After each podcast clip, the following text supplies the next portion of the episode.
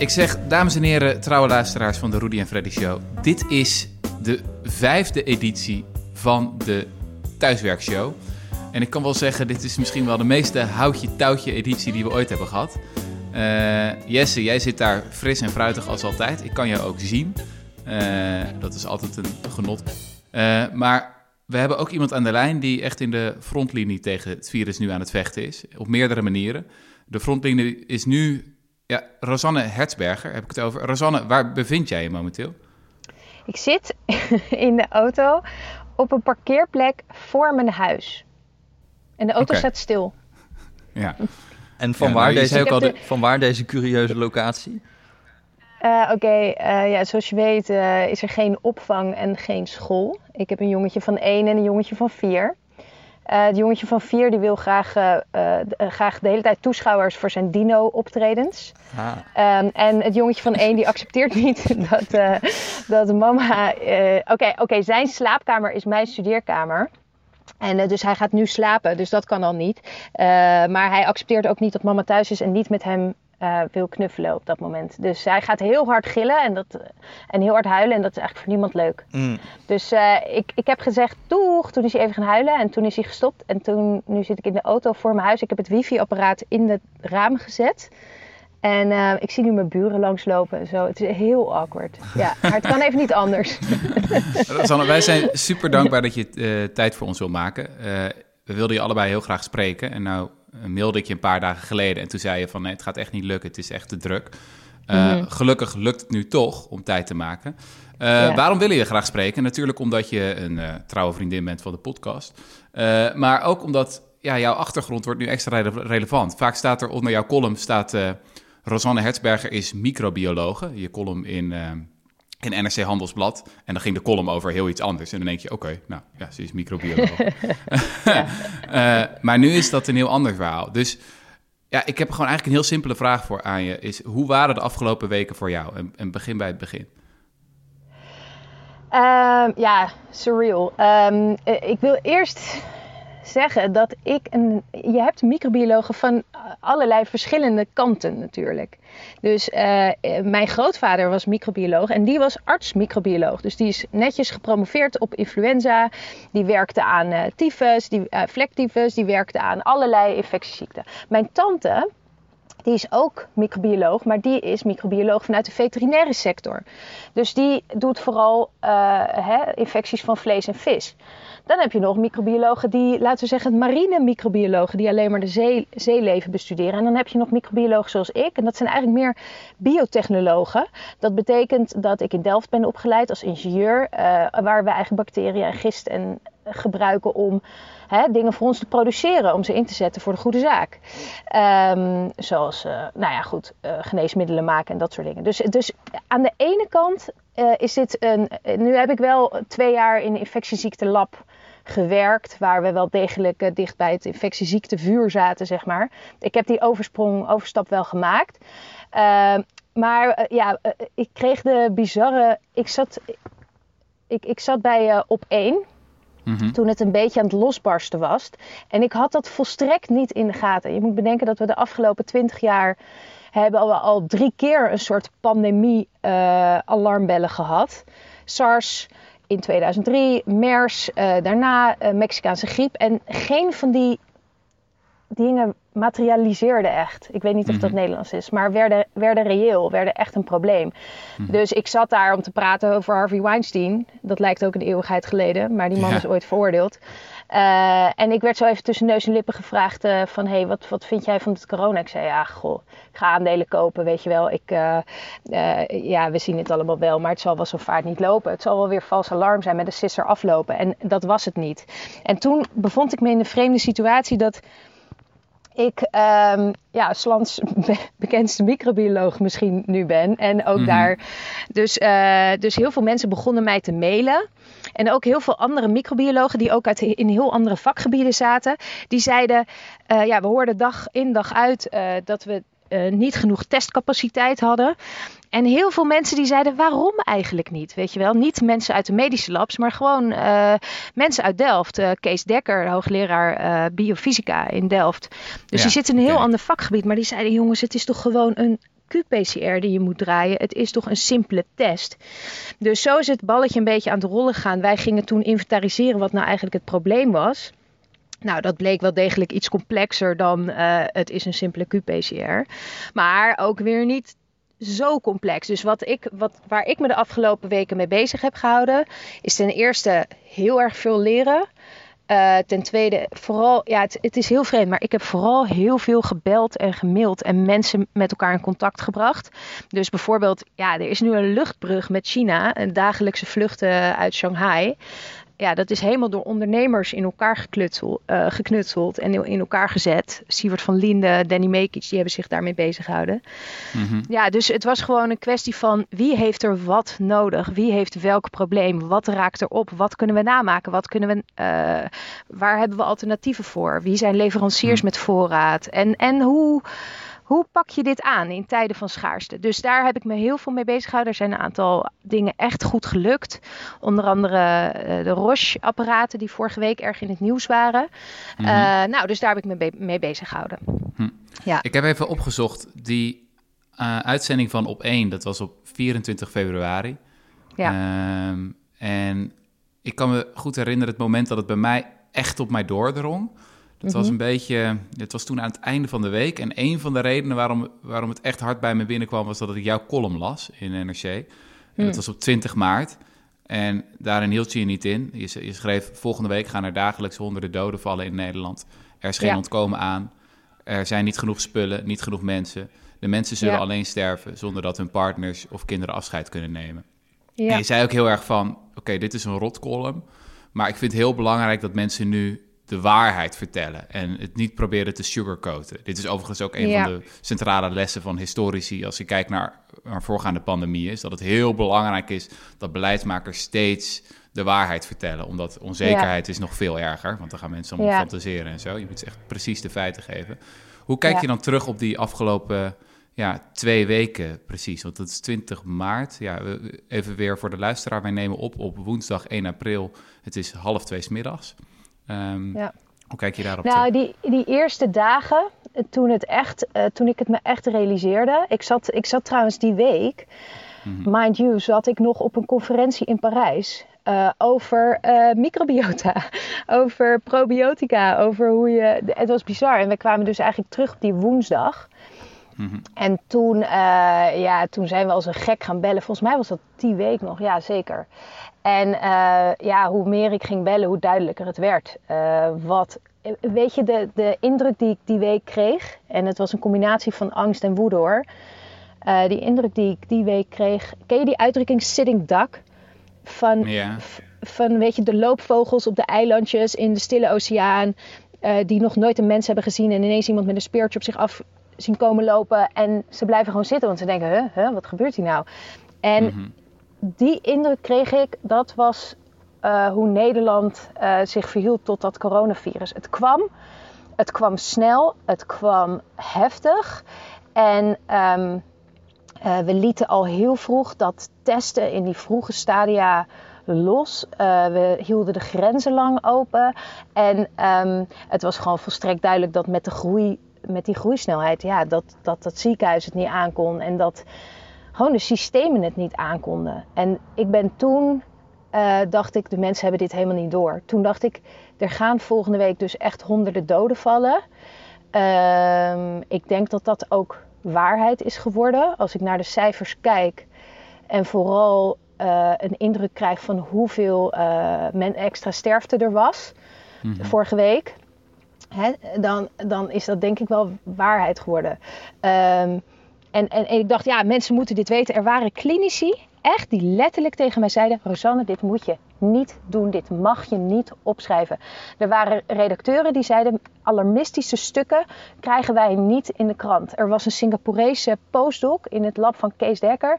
Die zei: Jullie zijn gestoord. Je weet niet welke schade je nu aanricht door dit zo uh, niet agressief aan te, aan te pakken. Mhm. Denken Nederlanders, denken Nederlanders nou echt dat zij zoveel verschillen van Chinezen, Singaporezen, Italianen? Uh, denk je, waarom denk je dat het bij jullie anders zal verlopen? En uh, ja, ze hebben helemaal gelijk gekregen. Dat is het nadeel. Ja, want wat, wat ik heel interessant vind, is je kan nog een tien jaar geleden of zo, toen hadden we volgens mij dat zwijn, of H1N1 of zo, of hoe heette dat ook weer? Ja, ja, ja. Ja, en... ja swine flu, Mexicaanse griep, maar dat mochten we niet meer zeggen. Ja, ja precies, ja, ja. En toen, toen, toen had je dus Ab Alsterhuis, House, geloof ik, die nu ook weer vaak op tv is. En toen hebben ze geloof ik 400 miljoen euro besteed of zo om heel veel vaccins te kopen. Uh, voor als het, als het helemaal uit de klauwen zou lopen. En daar is toen echt heel veel over geschreven van, nou, dit was echt een grote fout. Dit is heel, heel dom geweest. Nou, ik kan niet beoordelen of dat helemaal zo was.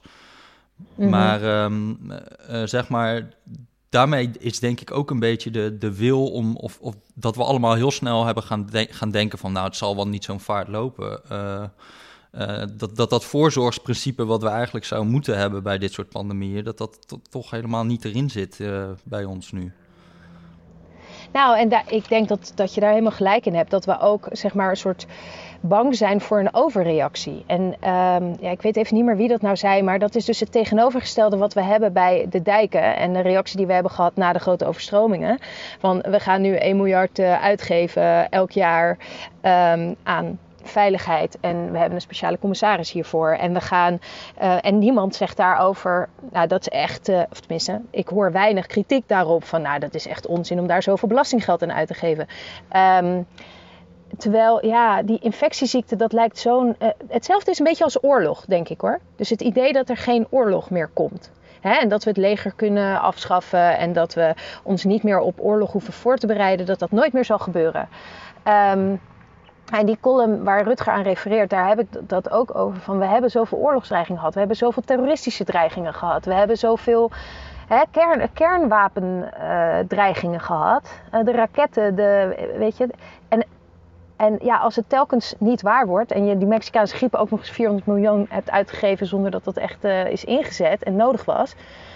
Um, ja, dan op een gegeven moment zeggen de mensen laat maar zitten misschien. Of is er weinig draagkracht voor echt rigoureus optreden. Terwijl je nu zou zeggen, als, het, als we dit voor 400 miljoen hadden kunnen oplossen.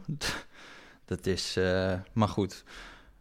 En ja. um, je had ook nog een column geschreven met, uh, met Kees Dekker van uh, overheid wordt wakker en ja. ga meer testen. Het ja. kan wel. Um, ja. ja. daarin zei hij eigenlijk van ja, het is geen rocket science, al die testen. Dat zei je net ook al. En ja. de, de, tekorten die er zijn, zijn met enige inventiviteit prima op te lossen. Waarom lijkt dit dan niet of nauwelijks te gebeuren? Weet je al waarom? Ja.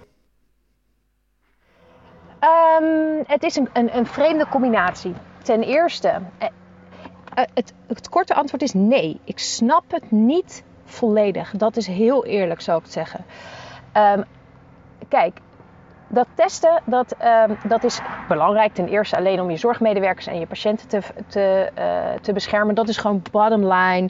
Uh, je moet een beetje weten waar dat virus zich verspreidt. En om mensen zorg te kunnen bieden, hè, om de thuiszorg door te laten gaan, om mensen kraamzorg te geven, om mensen, weet je, daarvoor heb je gewoon een bazaal niveau van testing nodig, wat we de afgelopen weken niet hebben gehaald. Dus kan je heel hard klappen voor je zorgmedewerkers. En dat is heel fijn, want dan gaan ze nog minder klagen.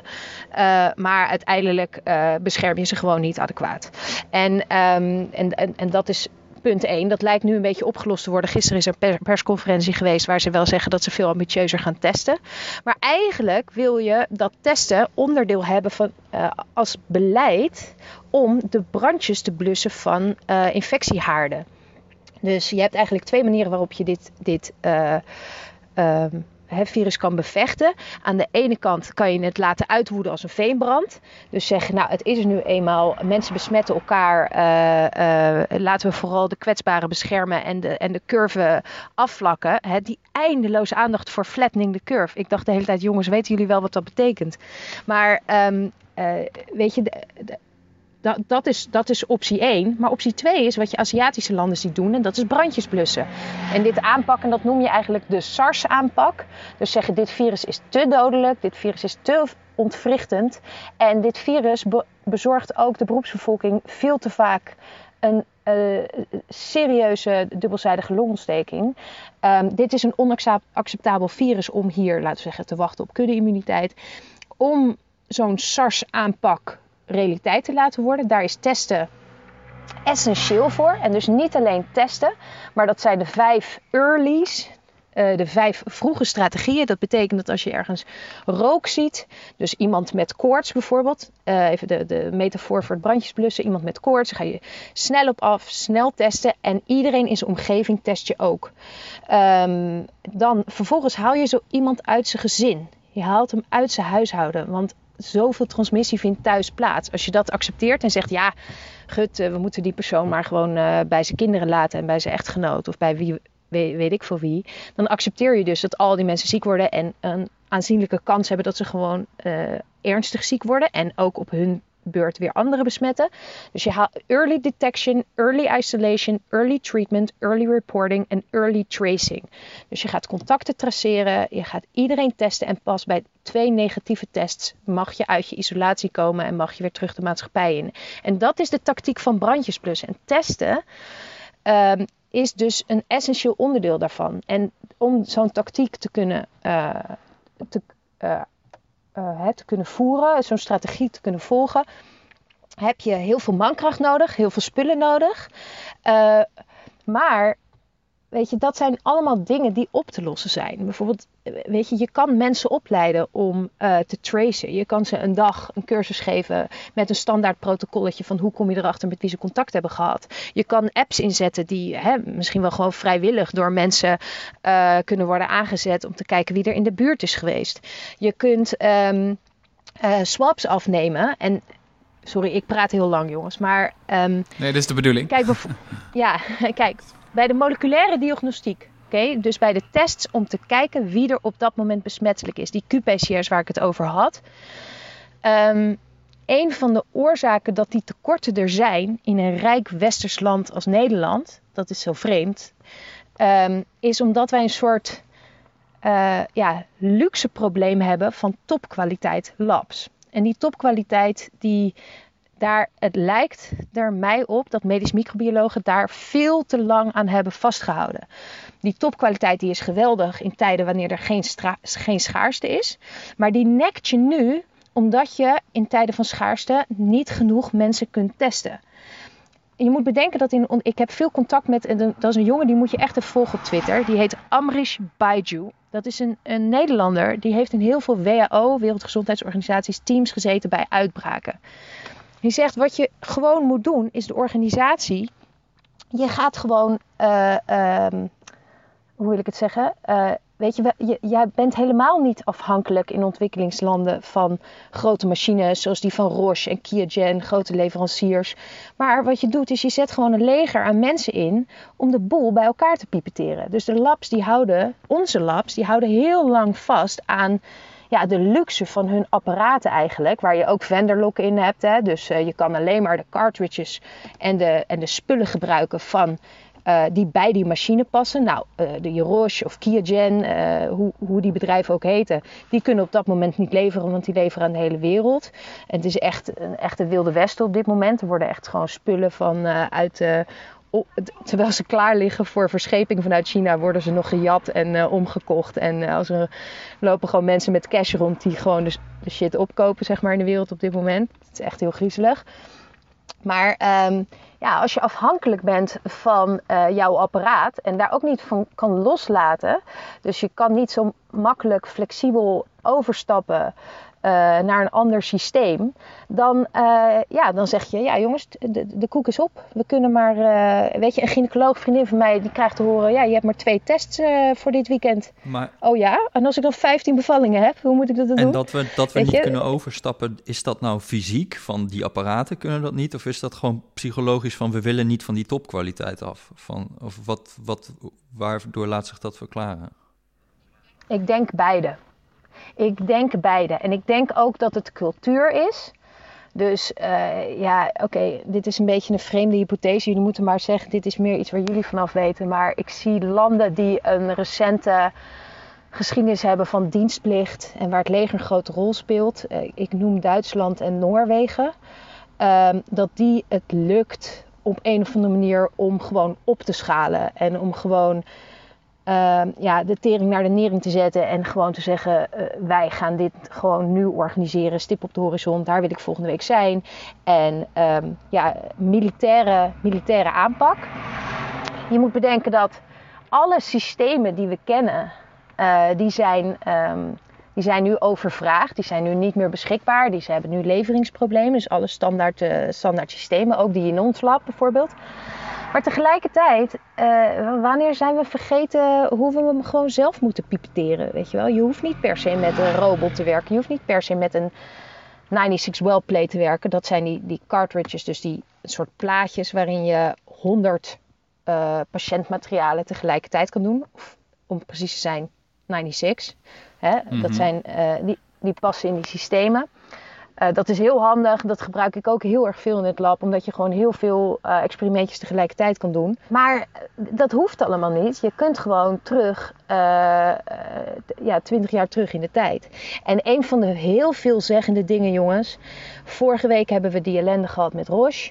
Uh, er is grote druk op hen uitgeoefend en dat was ook heel terecht. En een van de dingen waar druk op uit is geoefend is op de zogenaamde lysisbuffer. En lysisbuffer is gewoon als je patiëntenmateriaal hebt, dus die, die die neusswap hebt genomen, dan moet je op een of andere manier de RNA, dus het erfelijk materiaal van dat virus, dan moet je eruit halen om daar vervolgens die PCR op te kunnen doen. Trouwens, between you and me, uh, dat is niet strikt noodzakelijk. Dus als dat op een gegeven moment op is, dan kun je misschien ook gebruik maken van een methode waar geen extractie nodig is.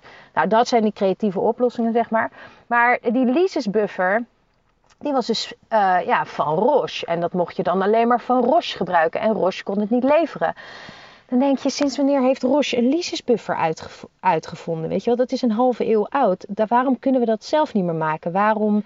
En dat Anne Vossen, dus de, het hoofd van de taskforce uh, voor missende spullen... Uh, ja, dan zegt uh, die moet zo snel mogelijk met dat recept over de brug komen. En Roche die zegt, na flinke politieke druk, jongens, het recept stond al de hele tijd online. Wij hebben alleen gewoon zeg met onze proprietary technology en onze super geheime Coca-Cola recept. En uiteindelijk blijkt het gewoon, blijkt het gewoon een ordinaire limonade te zijn, bij wijze van spreken. Ja, ja, ja, ja, ja, ja. nou ja, goed. Dus, dus dat soort dingen gebeuren er. En weet je, alle respect voor die medisch microbiologen die ook in een ongekende situatie zitten hoor. Dus, maar ik, het was heel frustrerend dat, um, ja het hier gewoon een veenbrand ontstond. Terwijl uh, je het waarschijnlijk nog echt vooral buiten Noord-Brabant met track and trace had kunnen oplossen. En de Chinese autoriteiten zeggen, zelfs in Wuhan, dus zelfs waar wij hebben gezegd, nou jongens, deze, dit gebied gaan we gewoon even afsluiten, want dit uh, geven we zeg maar een beetje op. Zelfs in Wuhan was het nog essentieel om die early testing, early reporting, early tracing, early Weet je wel, die vijf early's. Ja, want Rosanne, uh, want dat vraag ik me wel een beetje af. Van, we zijn nu wel op het punt dat, dat dit een beetje een gepasseerd station wordt, toch? Van track and trace, dat is leuk als, je, als, als het nog om honderden gaat of om misschien om een paar duizend. Maar we zijn nu echt, ja, die uitbraak is misschien toch te groot om nu een soort van dit allemaal met track and trace te gaan doen. Ik zag bijvoorbeeld een grafiekje dat van Spanje, mhm. waar de uitbraak heel groot is, dat ze daar per miljoen inwoners echt substantieel meer tests doen dan Korea. Maar ja, goed. Uh, uh, Korea die heeft wel dat track and trace. Die hebben het gewoon heel vroeg uitgerold. Die zijn niet pas mensen gaan testen als ze het ziekenhuis instrompelen. En in Spanje doen ze dat dan, dan wel. Ja, dan heb je wel veel meer tests. Maar ja, wat heb je eraan? Want als iemand met een dubbele longontsteking in het ziekenhuis strompelt... ja, wat heeft het voor zin om nog te testen misschien? Uh, toch? Nou ja, inderdaad. Want uh, weet je, in de diagnostiek moet je bedenken... dat eigenlijk de, de radiologen beter zijn in het diagnosticeren van COVID. Mm Dus in de ziekenhuizen is momenteel de CT-scan... die geeft de doorslag... Hè? En als je dat matglaspatroontje ziet in het longweefsel, dan weet je dat is gewoon typisch COVID. En daar waren de radiologen heel snel in. Uh, maar het lijkt er inderdaad op, als je die, als je die strategie langs, naast elkaar legt. Want Italië doet, heeft ook een belachelijk hoeveelheid tests gedaan. Maar dat is allemaal too late. Weet je wel, de, dat is allemaal ziekenhuislabs. Uh, je moet een verschil maken tussen de GGD en wat er in de medische, in de ziekenhuislabs gebeurt. Dus in de ziekenhuislabs, weet je, daar, eh, daar ging het nog wel aardig. Ook daar werden eigenlijk weinig tekorten gerapporteerd. Het was in het volksgezondheidsapparaat. Dus GGD en RIVM in de grieppeiling. Nou, de grieppeiling ging nog goed, maar dat is heel weinig. Maar uh, weet je, gewoon de, de streeklaboratoria van de GGD, die konden de vraag niet aan. Die hadden eigenlijk in de hele pijplijn van die diagnostiek hadden ze te weinig spullen. Dus alles raakt op, hè. Dus ook je keelswaps bijvoorbeeld. De swaps zelf raken op. Maar ook je appjes en je rekjes en je pipetpuntjes, je filterpipetpuntjes. Uh, gewoon ja, het gaat zo snel, zeg maar, dat, dat raakt niet echt op. Maar de aanlevering, die, die, die hapert dan een beetje. En dan moet je het allemaal weer stilleggen. Eh, je moet een onderscheid maken tussen waar er getest wordt. In ziekenhuislabs, bij zieke mensen, hè, voor de triage, moet die persoon in de isoleerafdeling, in de corona-afdeling, of mag die persoon uh, gewoon vrij rondlopen. Um, en je volksgezondheidsaanpak, namelijk het blussen van branden. En dat doet Zuid-Korea en het andere, dus de triage, doet Spanje. Ja.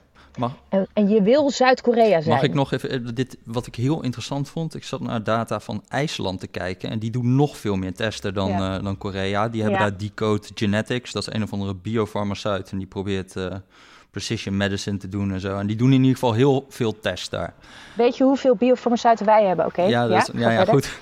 maar daar, daar, zijn, daar hebben ze dus 300.000 inwoners. Daar hebben ze al bijna 20.000 tests gedaan. Dus bijna 50.000 tests per miljoen inwoners. En ter vergelijking in de meeste Europese landen is het ergens tussen de 1000 en 3000 tests per miljoen inwoners. Dus die zitten echt extreem hoog. Maar wat een van de interessante dingen is die je daar dan ziet, is dat bijvoorbeeld in IJsland is 65% van de infecties, dat is bij mensen jonger dan 70 jaar.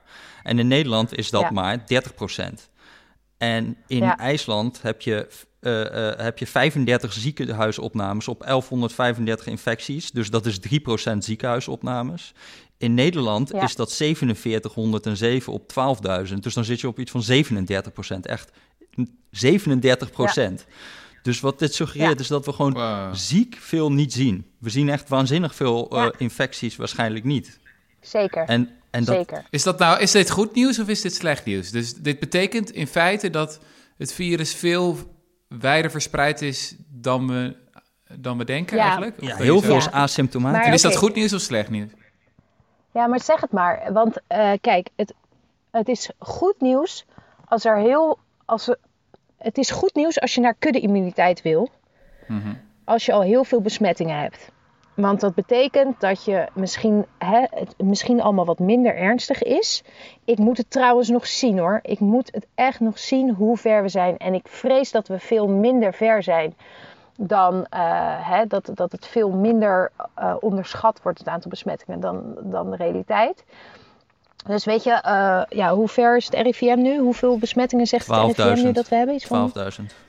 12.000. Nou, is dat, uh, weet je, is dat nou een factor 10 te laag of een factor 100 te laag? Dat is de grote vraag. En, um, en, en, en zodra je, zolang je dat niet weet, en daarom zit iedereen op die serologietesten te wachten. Hè, dat, is de, dat zijn de immunoassays. Dat is dus om te kijken wie er al positief is geweest, wie de ziekte al heeft doorgemaakt. Daarom zit iedereen daar zo om te springen. Dat kun je zien in je bloed. Dat kun je zien in je bloed. Maar even de hypothetische situatie dat dat maar, maar, een, factor, maar een factor 10 ernaast zit. Dat je zegt, uh, ja, we testen veel te weinig, dus we zien veel te weinig. We, we registreren dus ook veel te weinig doden hè, als, uh, als corona positief. Ja.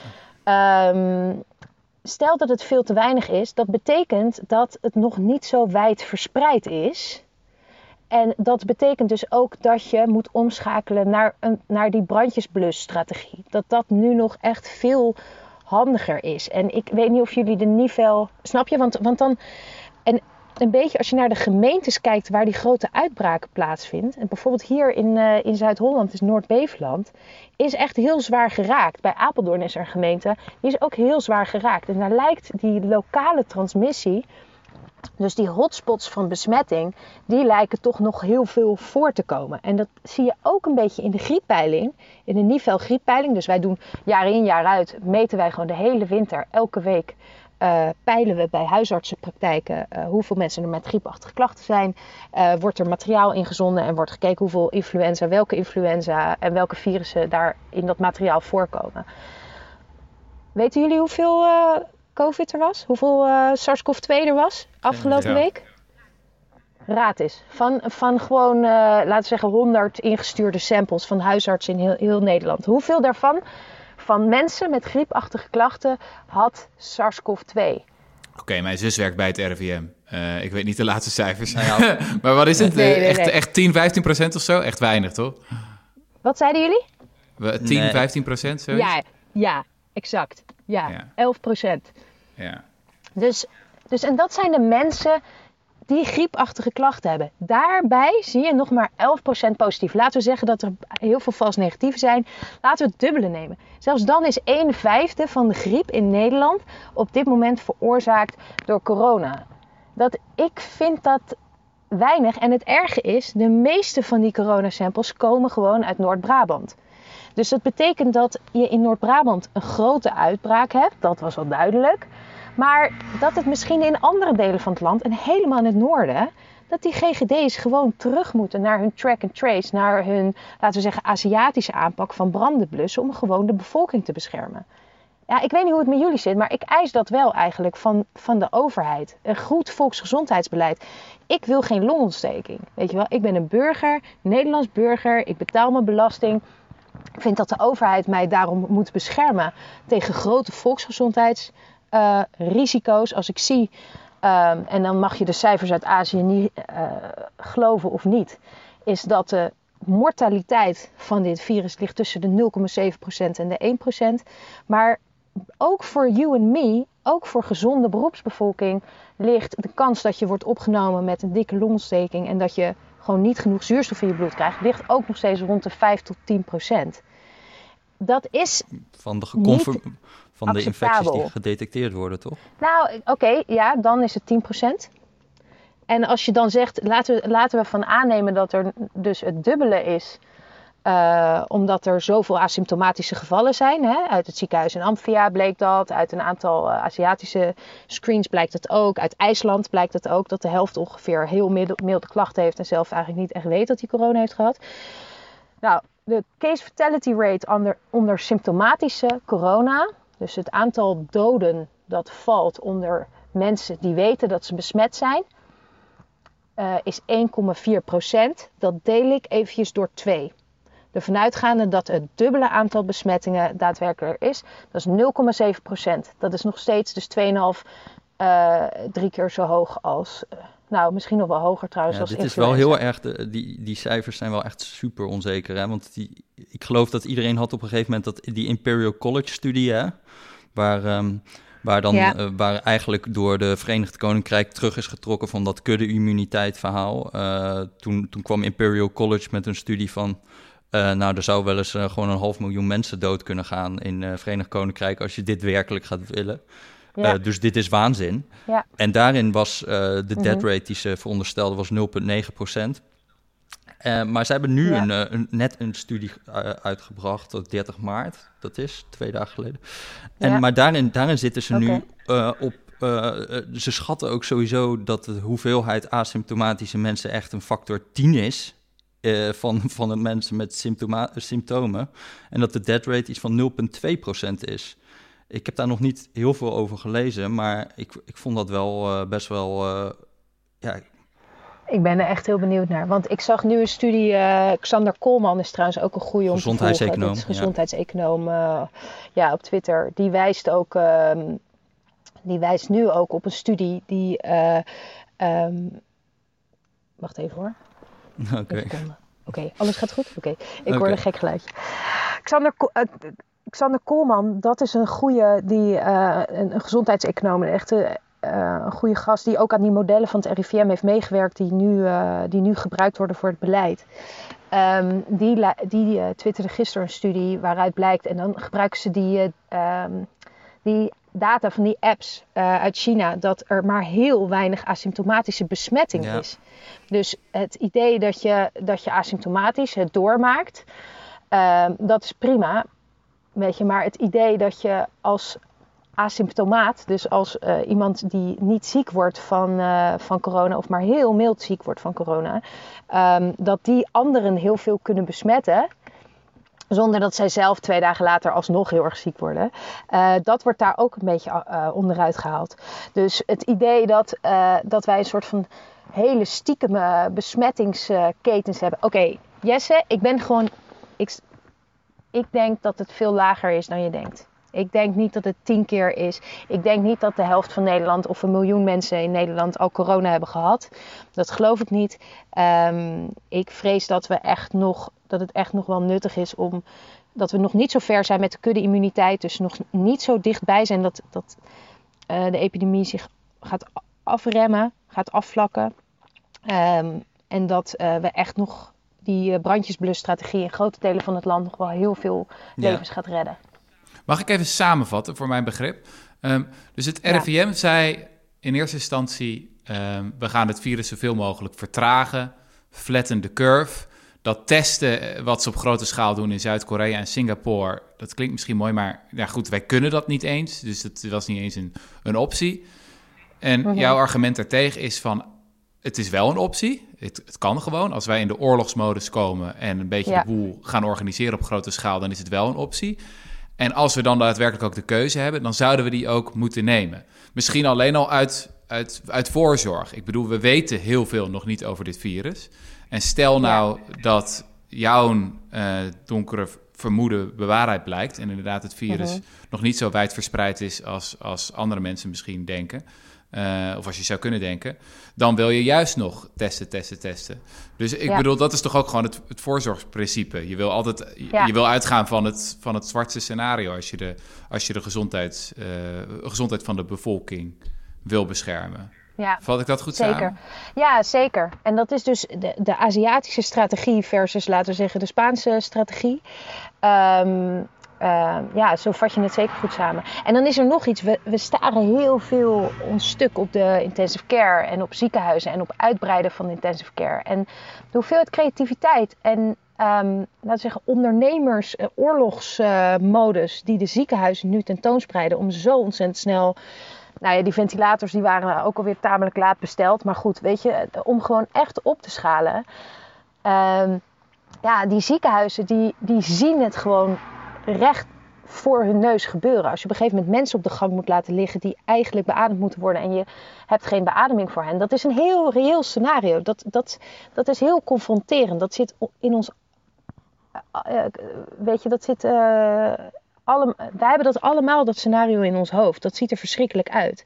Er zit minder, veel minder druk op die teststrategie. Terwijl dat misschien wel weet je, ziekenhuizen en behandelen, hoe, hoe langer je het daarover hebt, dat is de boot leeghozen terwijl er een enorm gat in zit. En het gat is de epidemie die in Nederland doorgaat en die je dus uh, niet stopt door niet gericht naar het virus te zoeken en dat uh, al te hebben opgegeven. Ik vind het een, de, het beleid uh, dat leidt tot kudde-immuniteit en dat accepteert dat op een gegeven moment 50, 60, 70 procent van Nederland nu eenmaal de ziekte moet doormaken.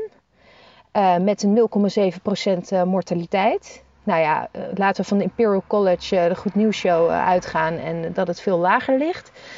Ehm, ja, ik word daar heel erg nerveus van. En, hmm. um, en, en dit is geen influenza, het is geen griep.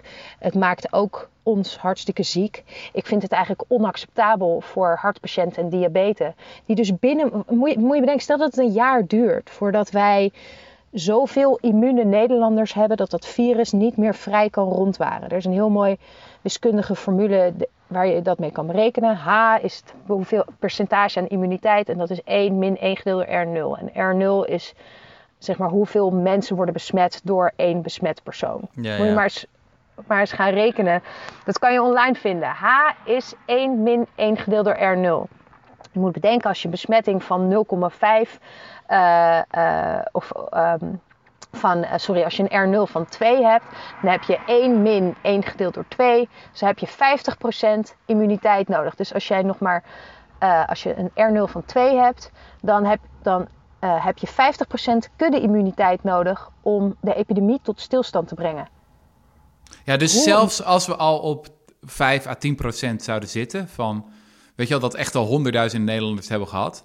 Ja. En we hebben dit al als resultaat in termen van druk op IC's. Dan nog ja. zouden we een enorm lange weg te gaan hebben. Van ja. golf naar golf naar golf. En dat gewoon we nog maanden en maanden gewoon horrorscenario's hebben op de IC's van Nederland. En ook gewoon, ehm, hoe, hoe is dit voor kwetsbare Nederlanders? Ik weet niet wanneer jullie je ouders voor de laatste keer hebben gezien. Maar ehm, ik heb ze al de hele tijd niet gezien. Ik heb de presentatoren van Nieuwsuur en uh, Talkshow M uh, meer gezien dan mijn eigen ouders. Omdat ik ze niet ziek wil maken. En ik wil ook niet dat zij mij ziek maken. En Stel dat je diabetes bent. Je bent per ongeluk type 2 diabetes en 75 jaar. En je wil nog lekker tien zomers lang op je elektrische fiets door de polders karren. Wanneer kan je weer naar buiten? Wanneer is het weer veilig genoeg voor jou om verantwoord deel te nemen aan het sociale verkeer. Ik vind dat een mensenrecht. Ik vind het recht op gezinsleven, het recht op gewoon zonder levensgevaar de straat op te gaan en je leven te kunnen leiden. En dat, uh, weet je, op de weg naar kudde-immuniteit gaan we dat soort vrijheden en dat soort rechten hele grote inbreuk op maken. En dat, dat vind ik een heel kwalijke zaak. Hey, ik had nog op, uh, op Twitter had ik ook een idee gezet voor stel dat we nu die testen niet houden. Um, van uh, dat we niet individuen moeten testen, maar groepen. Het is ooit eens een soort van idee geweest van uh, een econoom Robert Dorfman. Die had in de Tweede Wereldoorlog, toen was er een, ja. een enorm tekort aan uh, bloedtests eigenlijk. En er werd een heel erg overschot ja. aan soldaten met syfilis vermoed. Dus uh, ja, toen hebben ze dus gezegd, toen had hij berekend van wat je dan het best kan doen, is gewoon dat bloed van mensen eigenlijk gaan mengen en die hele groep in één keer testen. Nou, waarom? Stel dat, stel dat 3% van de uh, uh, bevolking die heeft, uh, heeft de ziekte. Als je dan willekeurig een test, test neemt, dan is de kans dat je per test kan je 0,97 mensen kun je gewoon weer naar het front sturen, laten we zeggen. maar ja. als je er nou ja. in één keer 32 test, ja, dan is de kans is 36% dat je een positief resultaat vindt in die groep. En daarmee kan je dan in één keer weer ja. 12 mensen kun je eigenlijk naar het front sturen per genomen test. Niet 0,97, maar 12. Ja. Nou, dat, dat scheelt een hoop. En we zitten nu toch misschien ja. dan ook een beetje in zo'n situatie van een tekort aan test. Zou dat niet misschien een idee zijn om dan gewoon nu een, bijvoorbeeld een heel bedrijf in één keer te testen en dan kunnen die weer aan het werk straks als ze dus even ja. voor mijn begrip hoor. Even voor mijn, dus stel dan zouden we van de correspondent... dan zou iedereen wat bloed moeten opsturen. Je zit nee, wat nee, af. Nee. dat doen we allemaal bij elkaar in een potje. En dat gaan we testen. klinkt als ja, een heel ja, vies nasaal slijm. Ja. Ja, uh, al ons nasale slijm bij elkaar. Het klinkt als een, als een occult ritueel. Iedereen niest in een potje in één potje. We delen allemaal het potje. En daarna... Uh, nou, nee, maar het is een heel goed idee. En het is heel slim. En, en, maar dit zijn precies van die slimmigheden uh, en van die, van die manieren waarop je schouw gaat vergroten, die een beetje tropengeneeskunde zijn. Hè? Die een beetje oorlogs, oorlogsgeneeskunde zijn. In tijden van schaarste ga je dit soort tactieken um, toepassen. En ik zie trouwens ook achter de schermen dat mensen die in de tropen hebben gewerkt, dat zijn degenen die nu uh, ja, in uh, tijden van schaarste dit soort, uh, dit soort ja, dingen uit de kast trekken. Ik weet niet. Um, ik weet niet hoe realistisch dit is. Ik weet in niet Duitsland hoe het en gebeurt. in Israël het misschien, zijn, misschien zijn er al wel labs Duitsland en Israël, zag ik. Oh ja, oké. Okay. Ja, de studies zijn er. Maar doen ze het al praktisch? Ik geloof dat er een st studies zijn van, uh, inderdaad, van een paar uh, ziekenhuizen die daarmee bezig zijn. Maar inderdaad, ik weet niet of ze dit op... Ze doen ja. dit niet op grote schaal, nee. Ja, ja het is slim. Ja, het is heel hm. slim. En uh, zeker voor de diagnostiek. Ik bedoel, als je gewoon wil weten. En zeker bijvoorbeeld in noordelijke landen. Uh, of noordelijke landen, noordelijke provincies. Uh, waar, waar de, de uitbraak nog echt beperkt is. ja, daar kan je gewoon hè, als huisarts, ga gewoon van al je patiënten materiaal verzamelen. Uh, koop ergens in China, probeer nog de laatste tien uh, keelswaps te kopen. En stop die in de kelen van je patiënten en gooi het allemaal bij elkaar. En als er eentje positief is, dan kan je vervolgens in dat ene sample ja, die weer uit elkaar trekken. Dus je, komt erachter, je komt er snel achter welke groepen patiënten allemaal negatief zijn. En daarna kom je er snel achter ehm, ja, hoewel, hier moet ik wel dus zeggen, want ik had dit ja, op Twitter ik... gepost. En het mooie is dat er nu gewoon echt iedereen is met uh, COVID bezig. Dus ik kreeg een jongen en die, die stuurde mij, volgens mij Casper mm. Verheij of zo. En die stuurde mij een wat code. Want hij okay. had wat simulaties gedraaid van hoe zou dit eruit zien. Echt ongelooflijk. En toen, toen had hij daarna ja. ook nog wat simulaties ja. gedraaid van stel dat je nu veronderstelt dat er ook valse positieve en valse negatieve zijn. Dus je hebt, je hebt ook bijvoorbeeld dat als je iemand ja. test, dat, die, dat er uitrolt dat hij gezond is, terwijl hij helemaal niet gezond is. Nou, dat is wel een heel groot probleem bij dit groepstesten. Want vooral als je gaat hertesten. Dus bijvoorbeeld je hebt die 32 getest. Daar komt uit, het is een positief resultaat. Dan ga je die groepen weer splitsen. Dus 16 testen en nog een keer 16. Dan ga je die weer splitsen, dan weer die splitsen. Totdat je die ene persoon hebt. Maar als je dat doet terwijl er, terwijl er hoge valse negatieven zijn dan, dan, ga je dan is de kans heel groot dat je dus mensen aan het werk stuurt, terwijl, ze, terwijl er eigenlijk wel een zieke tussen zit. Uh, dus bij dat hertesten, dan wordt het ingewikkeld. Dat moet je misschien voor nu even laten. Maar goed, ik, uh, het is altijd ingewikkelder. Ja, nee, maar in praktijk, hè, die vals negatief, daar, daar, hebben dus, uh, daar, daar hebben veel mensen het over. Uh, en en dat is ook stevig, weet je wel. Er zijn gewoon mensen die echt uh, duidelijk op de CT-scan positief zijn en nog steeds niks in hun keel of neus hebben zitten.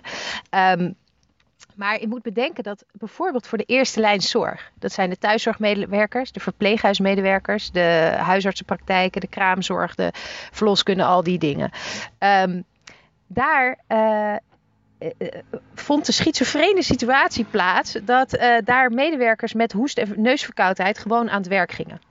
En dat is, zou ik zeggen, ik denk dat dat ook vandaag nog steeds is. Elke dag komt er ongeveer een andere beslisboom wanneer je naar je werk wel geniet.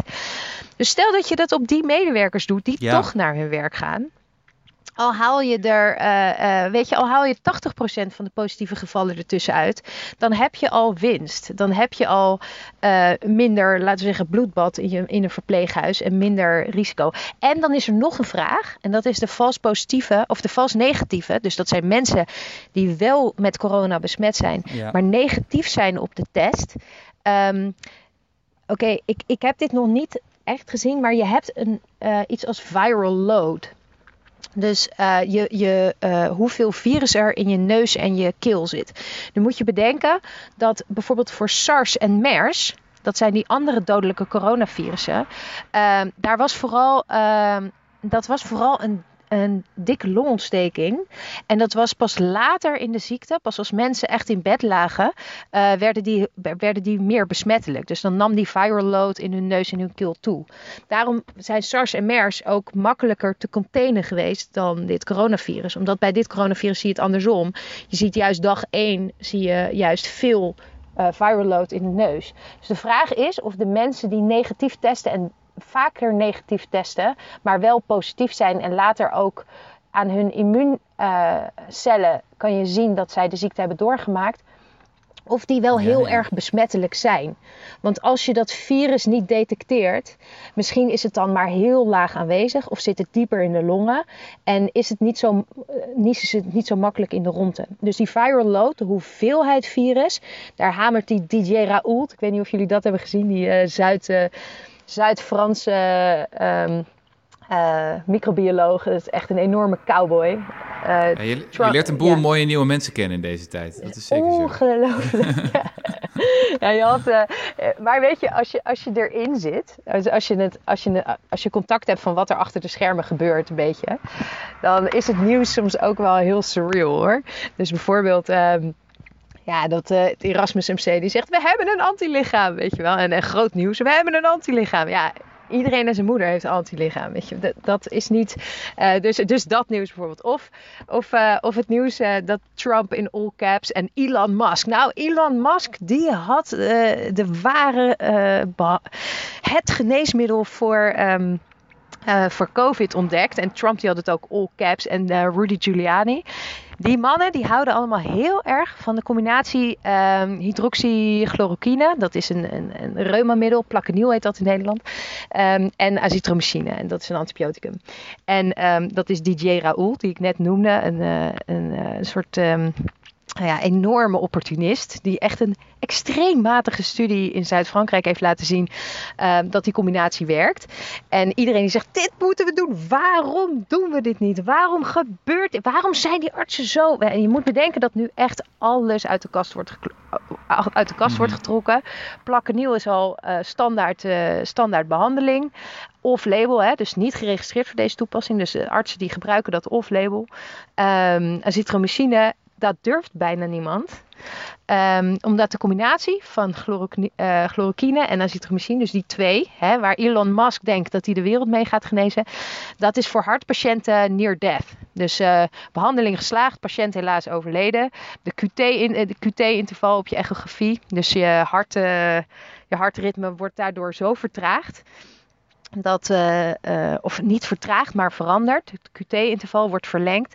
Uh, ja, die middelen die zijn eigenlijk nauwelijks in combinatie te gebruiken bij hartpatiënten. Dus nou ja, goed. Het is, het is heel grappig om het nieuws maar te volgen. Maar dit is toch een soort, volgens mij, ik weet niet meer wie die ehm, wet heeft verzonnen, maar er is een soort wetmatigheid waarin ze zeggen van iedereen die eigenlijk een beroep uitoefent, die vindt ongeveer 70% wat er over zijn eigen beroep wordt geschreven in de media totale onzin. En toch geloven ze alles wat in de media staat over andere beroepen. en dat, en da, daar geloof ik, daar geloof ik best wel sterk Ja, nou, dat is echt waar. Ja. Ja. ja. en we hebben natuurlijk uh, eh, 17 miljoen uh, virologen tegenwoordig in Nederland. Uh, Maar ik wou ook nog even met jou welnemen, Rosanne, naar mijn favoriete amateur-viroloog van Nederland. Dat is Jesse Frederik. uh, want Jesse, jij vertelde dat je ook weer diep in de studies uh, en de tabellen en de grafiekjes hebt gezeten. Uh, dus ik dacht, dat is misschien leuk als je dat nu even deelt. En dan kan Rosanne meteen zeggen wat ze ervan Nou ja, ik heb niet echt bevindingen. Ik, word gewoon, ik, ik begin me steeds meer een steeds grotere migraine te ontwikkelen eigenlijk over hoe je al die cijfers nou moet zien die er, die er rondslingeren. Het is allemaal su super inconsistent. En het is... Um, ja, wat je, wat je eigenlijk ziet in de pers is dat er heel veel gaat over simulaties. Dus mensen die draaien eigenlijk modellen. En ik wil niet zeggen dat ik precies kan bevatten wat er dan in die modellen gebeurt. Maar uh, je kunt wel zeggen wat er ongeveer ingaat. En al die inputs zijn extreem onzeker. En daarbij komt dan een volgend probleem. En dat is dat dit dus een exponentiële uh, ziekte is. Dus eigenlijk rolt daar bijvoorbeeld een getal uit over hoe, hoe, hoe hard groeit deze ziekte nou. Als je dat getal, dus bijvoorbeeld je zegt, uh, de ziekte die, uh, die stijgt met 20% elke dag. Als je dat over een periode van 30 dagen doortrekt, dan is het verschil tussen een ziekte die met 20% groeit en een ziekte die met 30% groeit, dat is een enorm verschil. Dus bij 20% is het, uh, en je begint met bijvoorbeeld één iemand en je gaat 30 dagen lang die ziekte laten draaien, dan zit je op 2300 of zo. En als het 30% is, dan zit je op 26.000. Dus zeg maar, dat loopt heel snel uit elkaar als je een klein foutje maakt in dat model. En de, en de kans dat je zo'n klein foutje maakt, is gewoon vrij groot. Omdat, er, omdat de hoeveelheid variabelen die hier ingaan, ja, het, het is, het is, het is uh, vrijwel eindeloos. Je kan alles weer uit elkaar trekken. Dus het begint eigenlijk vrij simpel met van... Uh, je hebt eigenlijk het grote epidemiologische basismodel, als ik het goed begrijp. Hoor. Je moet me corrigeren als het helemaal fout gaat. Maar je hebt een vatbare populatie. Dat zijn mensen die het virus kunnen krijgen. Je hebt een besmet, besmette populatie die hebben het virus en die kunnen het overdragen. En dan heb je een genezen populatie, waarbij genezen overigens niet betekent dat je bent genezen, maar virusvrij bent. Dus als je dood bent, dan ben je ook genezen. Maar ja, dat is wel. En uh, die drie, daar, worden, daar zijn allemaal formules voor van hoe ga je van vatbaar naar besmet. En hoe ga je van, uh, dat, dat is dus bijvoorbeeld die infectierate. Hè? Um, uh, van hoeveel besmette mensen die maken vatbare mensen, maken ze weer besmet. En uh, hoeveel mensen die besmet zijn, worden gaan dood. Nou dan heb je het over de sterfterate. Dus dan deel je eigenlijk het aantal geïnfecteerde mensen door het aantal sterfgevallen. Maar laten we dat even nemen. Hoe deel je het aantal geïnfecteerde mensen door het aantal sterfgevallen? Eén, wat is het aantal geïnfecteerde mensen? We hebben het dus net al bijvoorbeeld over uh, uh, hoeveel mensen zijn asymptomatisch. Hoeveel mensen vertonen helemaal geen symptomen. Um, dan heb je nog het probleem van comorbiditeit. Dus als je bijvoorbeeld in land 1 kijkt en dan probeer je te vergelijken met land 2. Misschien in land 1 heb je heel veel mensen met overgewicht, mensen die gemiddeld ouder zijn. Daardoor krijg je uh, een hogere sterfte bijvoorbeeld. Of dan heb je mensen die, die eerder, eerder doodgaan. Dus dan heb je een hoger sterftegetal in één land, maar ja. is dat ook te vergelijken? Dan heb je problemen van door de tijd heen. Bijvoorbeeld in Italië heb je nu dat de, uh, dat, dat de ziekenhuiscapaciteit uh, helemaal overbezet is. Ja, daar gaat je ook je sterftecijfer van omhoog. Is dat, uh, ja... En dan heb je nog de vraag, dit is ook nog een hele fundamentele vraag. Er gaan mensen dood aan COVID, dat wordt zo geregistreerd. Mensen zijn dood gegaan aan COVID. Maar ja, we hadden het over die comorbiditeit. Dat is extreem hoog bij mensen die, die, die op die intensive care liggen. Dat zijn mensen die al best wel, misschien wel best wel ziek zijn. Wat is de oorzaak van hun dood? Uh, dat is nog niet, dat kan je heel makkelijk zeggen dat is 1 of 0, maar dat is ook nog best wel ingewikkeld. En, uh, ja. Het verschil tussen sterven met, uh, dat is met prostaatkanker ook zo. Het verschil tussen sterven met, met corona of door corona. En, en, en hier krijg je dus bijvoorbeeld ook weer dat probleem van... Je, je heel veel berichten in de media over dat er ook nog ondertelling is hè, van doden. Dus mensen die thuis sterven, die tellen niet mee. Uh, ja, en aan de andere kant heb je dan ook weer... Verpleeghuizen. ja, is het niet overtelling als het heel veel mensen zijn met comorbiditeit? Is het door corona gestorven? Ja, het wordt, uh, ja. ja. het, wordt, het wordt er in ieder geval niet simpeler op. En... Uh, nee. En hoe lang is iemand besmet? Hoe lang is iemand besmet? Dus hoe lang is iemand besmettelijk ook? Ja. Mm ja en hoe lang is iemand immuun? Ja. Maar wat is dan nog de waarde van nou, die modellen? Vooral wat je, wat één, één, één, één ding wat je vorige week realiseert is hoe langer die over de tijd gaan voorspellen, hoe slechter ze waarschijnlijk worden, omdat elke modelfout die je aan in periode 1 hebt, wordt in periode 30 gigantisch. Omdat het exponentieel is. Ja, precies. Dat is het weer. Uh, ja. Mag ik nog wel gewoon wat losse dingen die er ook, die ook nog ingewikkeld zijn? Ja, kom maar door. We zitten in het ehm, cijferhoekje van je Nou, bijvoorbeeld over transmissies. Hè? Je, ziet hier, je ziet heel veel vaak dat er gemiddelde, met gemiddelde wordt gerekend. Van het transmissiegetal van die R naught, van hoeveel mensen worden besmet door, uh, door één persoon, door één geïnfecteerd persoon. Wat heel belangrijk is, is daarin wat is de verdeling van die uh, transmissies. Je hebt mensen die wat meer uh, mensen besmetten en wat mensen die wat minder mensen besmetten. Als, als dat gewoon normaal verdeeld is, dus een belcurve, uh, dan is zo'n gemiddelde die zegt je wel wat. Maar waarschijnlijk is die verdeling, heeft hele dikke staarten. Dus wat dat betekent is dat helemaal aan het eind van die verdeling zitten een paar mensen die er in één keer 50, 80 besmetten. Um, dat, dat, bijvoorbeeld, je hebt dat heel erg gezien in, in Zuid-Korea. Daar wordt geschat dat één sectelid echt verantwoordelijk is voor een heel groot deel van de besmettingen in, in, in Zuid-Korea. Oh ja, dat was die Gesperdoel van Zuid-Korea. De Gesperdoel van Zuid-Korea, dat zeg je heel mooi. ja. Nee, en, en, en, en, en je hebt het ook in, in Massachusetts, was op een gegeven moment 77 van de 95 cases die ze daar hadden. Dat was op een biogen conference, waar gewoon mensen elkaar infecteerden. Ik kan me heel goed voorstellen dat in Nederland, dat we in, Zuid, eh, in, in Brabant, dat we carnaval, uh, uh, dat dat een gigantische superspreading event is. Nou maakt dat op zich minder uit, die superspreaders, op het moment dat het al is geëxplodeerd. Uh, dus als, als, het, als het heel, heel veel mensen al besmet zijn, dan gaan meer zeg maar, uh, op, een hoger niveau die, die, die gemiddelde wat informatiever zijn. Maar helemaal in het, uh, zeg maar in het begin van een uitbraak, en dus ook straks als we het weer terug hebben gebracht, gebracht en die track and trace moeten doen, dan zijn dit soort superspreading events heel belangrijk om die zoveel mogelijk te beperken. Wat, wat volgens mij ook gaat betekenen dat zolang we geen vaccin hebben, dat voetbalwedstrijden, concerten, uh, uh, van die soort grote bijeenkomsten waar die superspread zou kunnen plaatsvinden, dat die nog heel lang stil gaan liggen, ook al hebben we het uh, weg. Dat, in ieder geval, dat zou, dat zou ja. mij heel verstandig lijken. Pff, jezus, wat heb ik allemaal nog meer, nee, maar dit is, het doet me een beetje denken, die superspreaders. Um, je weet hoe HIV nou. ooit naar Amerika is gekomen, hè? Dat is één één, dat is echt één Frans-Canadese oh. uh, homoseksuele steward geweest. Die, um, die vloog dus, uh, dus uh, eh, HIV komt uit, uit Afrika. dat is waarschijnlijk één aap die een andere aap heeft opgegeten. Die vervolgens door een apeneter is opgegeten. Die het vervolgens naar een hoofdstad heeft gebracht. Daar is het vervolgens naar, daar, naar Haiti gebracht. En toen was er één Frans-Canadese homoseksuele steward of flight attendant. Die heeft het in Haiti opgelopen en die heeft het naar iets van 200 mensen in verschillende steden, want die had in elk stadje een ander schatje. Uh, heeft hij gewoon heel Amerika daarmee besmet. En dat kan je dus ook tra traceren in het virus.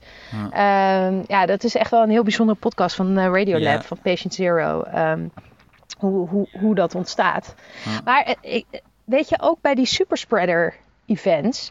Daar is ook nog eigenlijk weinig over bekend. Want is dat, zijn dat nou mensen die gewoon met heel veel consumptie praten, of mensen die uh, niezen en daarna hun handen niet wassen. Ik denk eigenlijk dat uh, ja, dat, dat hele specifieke.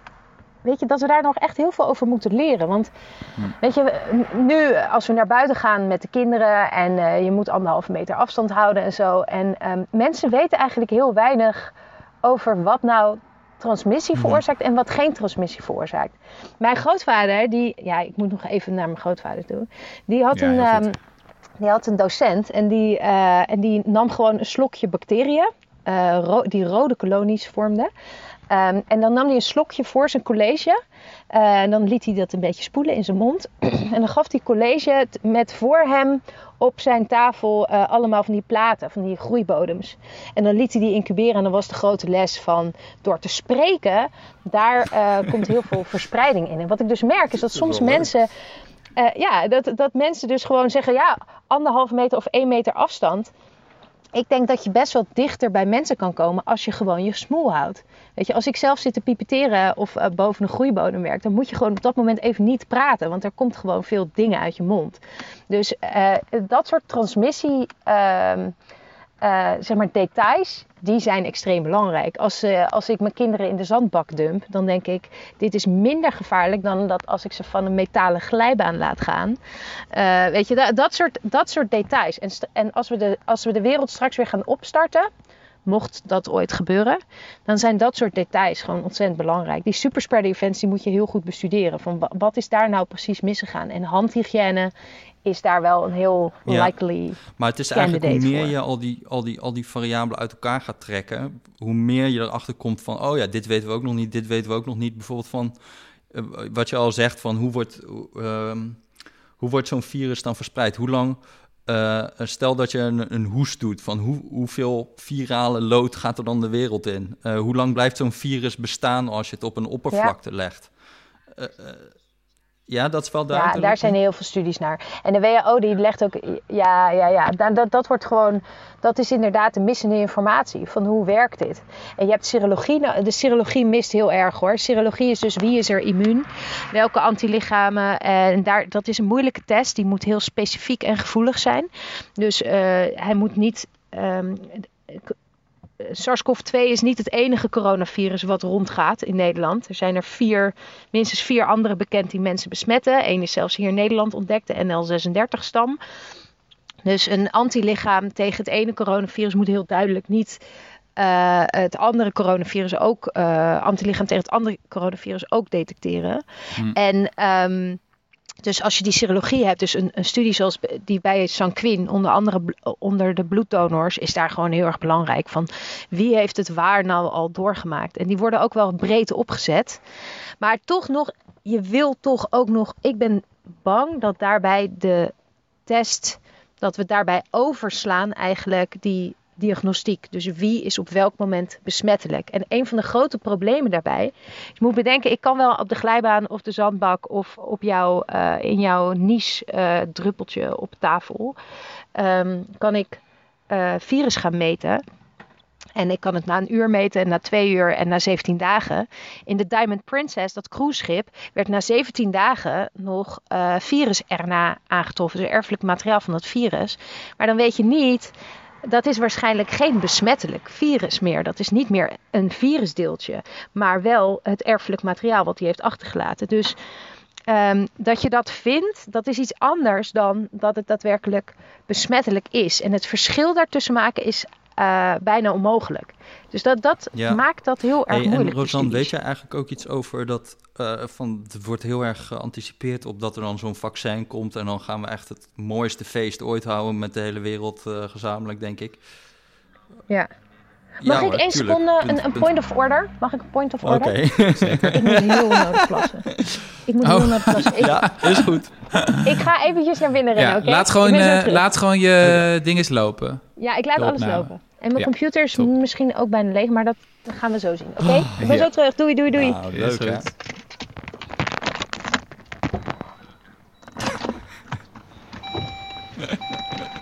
Ja, dit is goed. Ja, ik ook, ja. Oké, okay, nou, knopen we er nog een half uurtje over vaccins tegenaan en dan zijn we er wel klaar mee. Dit wordt de Joe Rogan-achtige lengtes. Misschien kunnen we ook nog wat filmpjes kijken van dat er een paar een apenkolonie aan het vechten is met een tijger of zo. ja, inderdaad, ja. Hé, hey, daar hoor ik wat. Oh, Keesjes. Wacht even. Ja. Ik ga weer... Wij zijn, er zijn jullie er allemaal nog? Bestaan jullie Jazeker. nog? Ja. Oh, Willem heeft zich gekleed als Superman. Hij was heel verdrietig dat ik niet meer aandacht daarvoor had. Oké. Okay. Dino, Superman. oh, de grote teleurstellingen van het leven. Kijk mama, Superman! Oh ja, ja, ja, dank je. Oké. Ja, ja, ja. ja. ja over kan, je, kan je daar wat over zeggen inderdaad? Van, uh, hoe, hoe, lang, hoe lang moet dat nog duren? Ja. Ja. Ja, dat is de grote vraag. Dat is de grote vraag.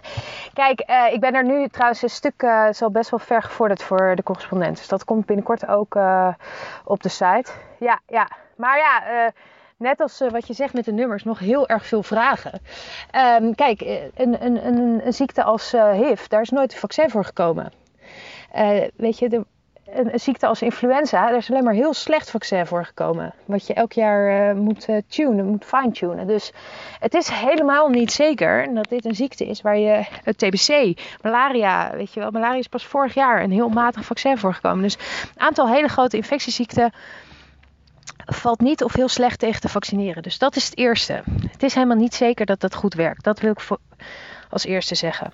Hm. Um, maar, dus, maar dat is best wel, er is dus een scenario denkbaar dat we ofwel met testen en, en track and trace en weet ik wat allemaal, ofwel met gestaag opbouwen van die groepsimmuniteit. Uh, ja, maar dat we toch dan over een jaar of anderhalf jaar tot conclusie komen van ja, sorry, dat vaccin, ja, sorry, ja, hebben we nog niet. Ja.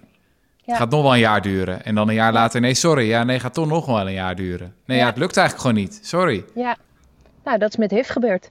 Dat is met HIV gebeurd. En, en waar HIV, maar hè, HIV is geen, uh, geen dodelijke ziekte meer als je genoeg geld hebt. Want uh, de haartherapie, dus daar is wel een goede behandeling tegen gekomen. Tenminste, een aardige behandeling. Um, maar geen vaccin. En dat is heel, dat is heel terug. Maar soms, soms gebeurt dat inderdaad. Um, wat, wat je je kan voorstellen, stel dat er geen vaccin komt, is dat het een ziekte wordt zoals een hele gemene waterpokken bijvoorbeeld. Uh, je moet bedenken dat kleine kinderen hier echt minimaal last van hebben. Hè. Er is niet één klein kindje volgens mij overleden onder de tien. Zelfs in Italië is er niemand onder de tien overleden. Dus uh, weet je, en ze worden ook niet heel erg ziek. Er liggen geen kleine kinderen opgenomen op die IC. Vanaf 18 jaar zeg maar, wordt, het, wordt het een beetje een probleem. Dus als je naar kudde-immuniteit toe gaat en dit een ziekte als waterpokken wordt, waar je gewoon vroeg mee besmet moet worden voor je tiende een keer uh, uh, het moet hebben doorgemaakt. En dan kan je dus ja, je inbeelden dat je misschien uh, met vier jaar bij het consultatiebureau, als jij je laatste prikken krijgt, Um, dat er ook een serologietest wordt gedaan van heb jij corona gehad of niet? Heb jij daar, ben jij daar immuun voor? En zo niet, dan misschien even opzettelijk infecteren. Um, zodat hij even grieperig wordt. Maar dan dat hij in ieder geval het niet krijgt als hij 30 of 40 of uh, eh, 70 is. Nou, dat is, zo kan ik me voorstellen dat deze ziekte zich gaat ontwikkelen. Maar je hoopt natuurlijk een vaccin. Want um, ja, dat, dat is gewoon de allermooiste oplossing. En dat, daar hebben we ervaring mee. Er zijn een aantal. Het grappige is dat, dat het grote nieuws en ook uh, was telkens over vaccinproducenten zoals uh, Moderna, Inovio, BioNTech. Um, er is nog een keer CureVac in, uh, in Duitsland, dat Trump zelfs heeft geprobeerd te kopen. Um, dat dat allemaal laten we zeggen, technologieën zijn waar ze mee vaccineren, uh, die heel experimenteel zijn. Dus geen van die bedrijven, behalve Innovio misschien, heeft een vaccin, laten we zeggen, voorbij de belangrijke test voor vaccins. Dat is uh, fase 3 onderzoek. Mm -hmm. En geen van die vaccinproducenten die heeft. Um, een vaccin dat, uh, dat op de markt is, dat is toegestaan en ook vooral uh, opgeschaald is. Dus als je nu nog een fabriek moet gaan bouwen voor zo'n vaccin, stel dat het werkt, dan, um, ja, dan, dan is dat wel, wordt het wel heel penibel, zeg maar, als je niet uh, de ervaring hebt met opschalen. Je moet bedenken, dat zijn ook allemaal nieuw type vaccins. Dat zijn RNA- en DNA-vaccins. Die zijn het meest in het nieuws geweest eigenlijk. Uh, de eerste weken vooral. En dat zijn dus vaccins waarbij die ehm, een stukje erfelijk materiaal in onze eigen cellen brengt, waardoor onze eigen cellen uh, die ziekteverwekkende eiwitten gaan produceren, waar vervolgens een immuunrespons tegenkomt, waar vervolgens immuungeheugen op wordt aangelegd. En nou, eerste trials laten zien dat dat uh, veilig is en effectief. Maar ja, veilig, als jij het nog maar in duizend mensen hebt getest, dan pik je een bijwerking op die uh, één, twee keer in de duizend voorkomt. Dus als je het nog nooit in een miljoen mensen hebt getest, dan weet je niet welke zeldzame bijwerkingen zoiets heeft. En dat is bijvoorbeeld met de Mexicaanse griep. Wat ook een pandemie was en waar dus een, een uh, ja, laten we zeggen, de veiligheidseisen en de, en de, de reviews van alle studies, ja, de, de hordes, de hobbels daarvan enorm naar beneden zijn gegaan om maar de tempo erin te houden. Want iedereen Mhm. wilde graag een uh, vaccin tegen Mexicaanse griep. Nou, het blijkt wel dat bijvoorbeeld in Nederland hebben 30 kinderen narcolepsie gekregen van dat vaccin. En dat is zeer, zeer waarschijnlijk direct gelinkt aan dat vaccin. Nou, dus als jij meer had getest en ook betere tests had gedaan. Dus die tests destijds waren niet eens met het vaccin wat uiteindelijk is gebruikt. Het was een andere combinatie van antigeen en van adjuvans. Een andere combinatie van ingrediënten die is getest. Dus uh, weet je, misschien als het wel, het echte vaccin wel was getest en er gewoon wat rigoureuzer was getest, dan had je geweten dat die kinderen uh, ja, daar die hele ernstige slaapziekte van krijgen, narcolepsie. Dat is maar. Maar uh, als er 30 kinderen, 30 kinderen waren op, ik weet niet hoeveel kinderen er zijn geïnfecteerd, dan moet je wel een hele grote studie hebben, wil je dat ooit zien, toch? Ja, dat is zeker zo. Maar dat zijn wel, laten we zeggen, er worden wel in fase 3 uh, duizenden mensen getest. En als het dan wordt. Ja, ja, dat is ook zo. En de volgende vraag, Jesse, is: uh, welke risico accepteer je? Bedoel, nu je mortaliteit hebt van 0,7% en je dagelijks honderden doden hebt. Hoeveel mensen mogen er ziek worden of mild ziek van een, van een vaccin of zelfs ernstig ziek van een vaccin? En um, nou, dat, dat, dat is een vraag. Um, wat gisteren het nieuws, of vorige week, uh, of afgelopen dagen, ik weet, ik weet ook de dagen niet meer, ik ben de tel helemaal kwijt. Was het nieuws dat er uh, 500 miljoen dollar wordt geïnvesteerd in een medicijn uit, uh, of een vaccin uit Leiden. Dat is Janssen, Janssen Pharmaceuticals. Dat is een beetje het voortzet, voortzetten van Crucel. Dat is wat, uh, een van de enige Nederlandse biotech-wonders die wij hebben gehad. Is het Janssen of gewoon Janssen? Uh, ja, Janssen. Laten we maar gewoon... Janssen. Ik zeg Janssen. Laten we maar gewoon... Jansen zeggen. Het is onderdeel van uh, Johnson en Johnson. Uh, okay. Daar is het. Bij dat bedrijf hoort het. Die hebben ook een interessant vaccin. En die zijn al wel door een fase 3 trial uh, gegaan. Dus die, zijn al, die is al wel heel grootschalig getest. En die maken eigenlijk gebruik van een. Uh, een virus dat ons besmet en dat ook uh, ons, uh, hè, waar we ook tegen een immuunrespons maken. Die immuunrespons is essentieel voor immuungeheugen, dus om echt immuun te worden tegen de ware ziekte. Maar dat zijn adenovirussen en adenovirussen maken mensen niet ziek. Pardon, dames en heren, ik moet mijzelf hier even onderbreken. Want ik maak hier een grote fout. Adenovirussen maken mensen wel degelijk ziek, heel ziek zelfs, uh, in sommige gevallen. Maar dit type dat voor het vaccin wordt gebruikt, maakt mensen niet of nauwelijks ziek. We gaan weer verder. Um, en vervolgens gebruik je dat virus eigenlijk als een soort voertuig voor het genetisch materiaal van de ziekteverwekker waar je tegen wil besmetten. Dus je pakt een, een gen van uh, corona, of in dit geval uh, uh, ebola hebben ze het mee gebruikt. En daarmee, en, en dan stop je dat in dat adenovirus, gewoon door, door genetisch knip- en plakwerk. En daar, dat stop je, daar besmet je de Afrikaanse bevolking mee. die tuigen een immuunrespons op tegen ebola, terwijl ze niet ziek worden. Uh, en vervolgens blijken ze immuun tegen ebola. En dat, uh, dat is heel nuttig. En zelfs wordt er daar gebruik gemaakt van. Dat, ja, ik, ik praat nog heel veel door over die vaccinaties. Dat vind ik wel heel erg leuk. Dat heet uh, een ander voertuig voor dat genetische materiaal. Snappen jullie het concept, zeg maar? Dus het, het, het, het idee erachter, leg ik dat goed genoeg uit nu? Nou, doe, doe even de basis. Oké. Okay. Nou, de, het eerste vaccin dat er ooit was, dat was vaccinia. En vaccinia is koepokken. Dat is het, de, de uitvinding van Edward Jenner, die crossreactiviteit geeft, of crossimmuniteit met de echte pokken. Ehm, en dat koepokkenvaccin dat blijft in omloop. Uh, dat is een virus. Uh, en dat is eigenlijk verzwakt. Dus dat hebben ze net als het mazelenvirus.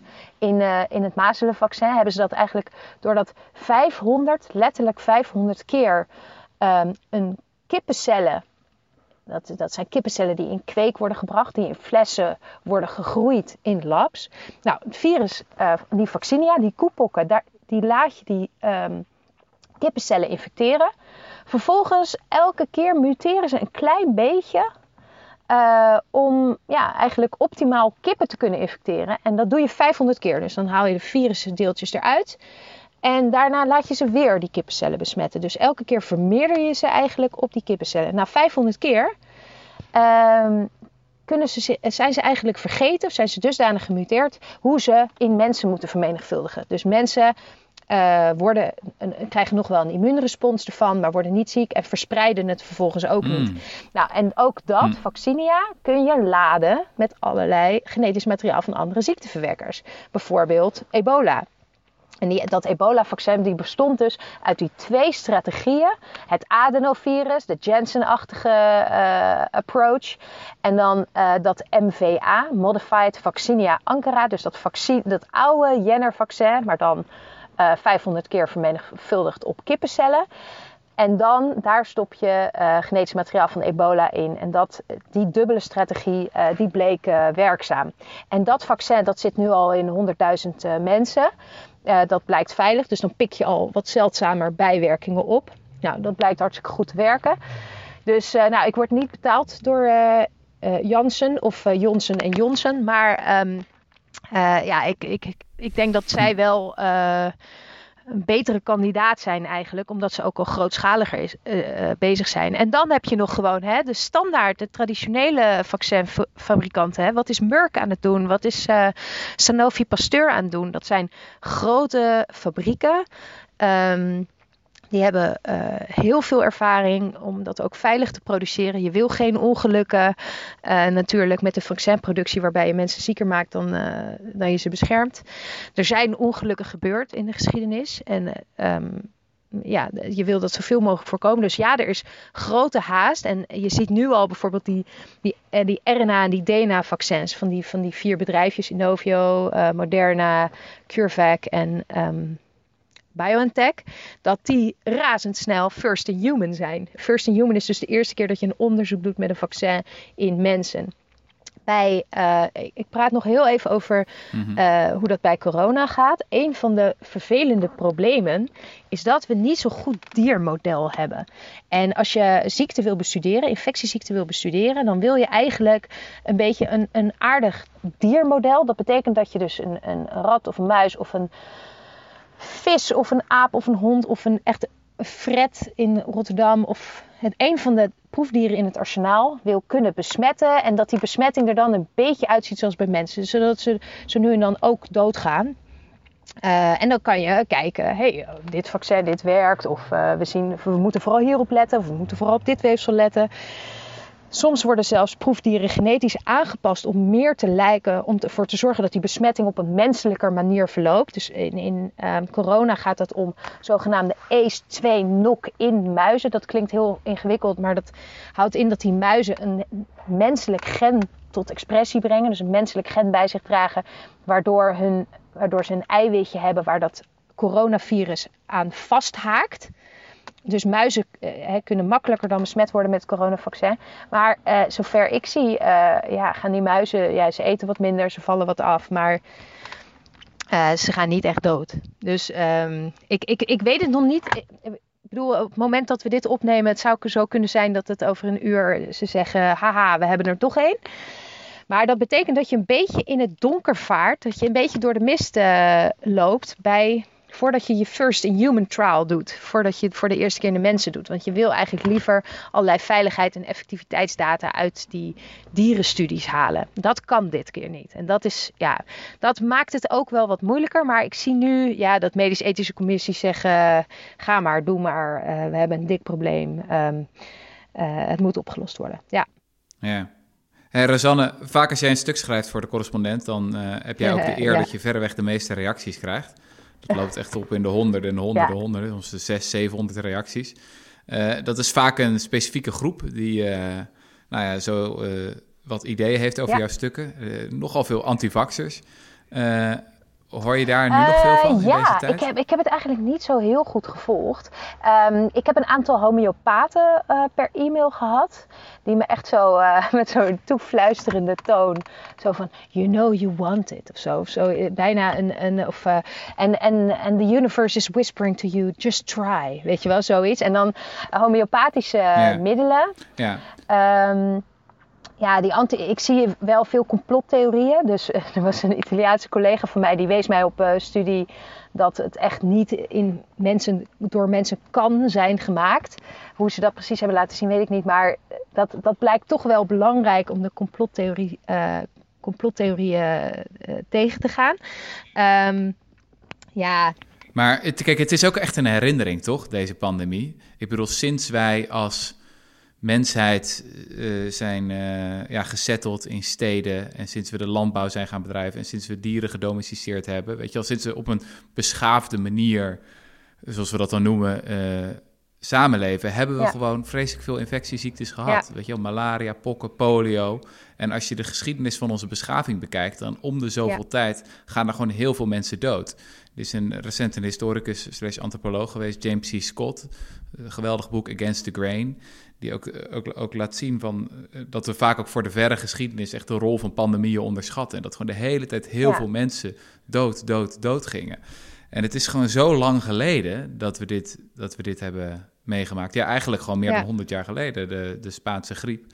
Um, het, is zo, het, is, het blijft nog steeds zo surrealistisch dat we, dat we het weer meemaken. Terwijl aan de andere kant, ja, het hoort ook bij onze manier van leven. Het risico is er altijd. Ja. Ja, aan de ene kant wel. Ik bedoel, het hoort bij, het hoort bij uh, hè, we zijn geen jager-verzamelaars meer. Uh, maar aan de andere kant zijn wij wel heel erg goed geworden in schoon werken, in hygiëne, in uh, voorzorgsmaatregelen, maar ook in surveillance. Ja, Onze GGD's ja, ja. zijn echt best wel goed. Um, maar ja, het vindt gewoon nog veel te vaak plaats. Uh, je hebt in, in Noord-Brabant hoef je maar Q-koorts te roepen en iedereen weet waar dat over gaat. En dat is ook gewoon van geiten gekomen. Um, influenza, de Mexicaanse griep komt van varkens.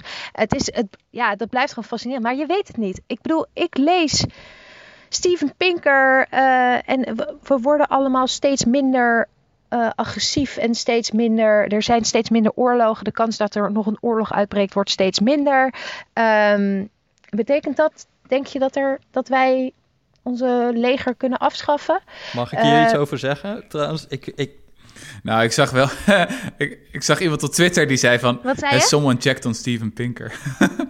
vond ik wel grappig. Has, Has someone checked check... on Steven Oh, van uh, pandemieën komen ook niet meer van, voor. Hoe gaat het met hem? Ja. Ja, ja, maar ja, ook hier, ook hier dus, want we hadden het net over superspreaders. Van is die verdeling normaal of zit er een dikke staart aan?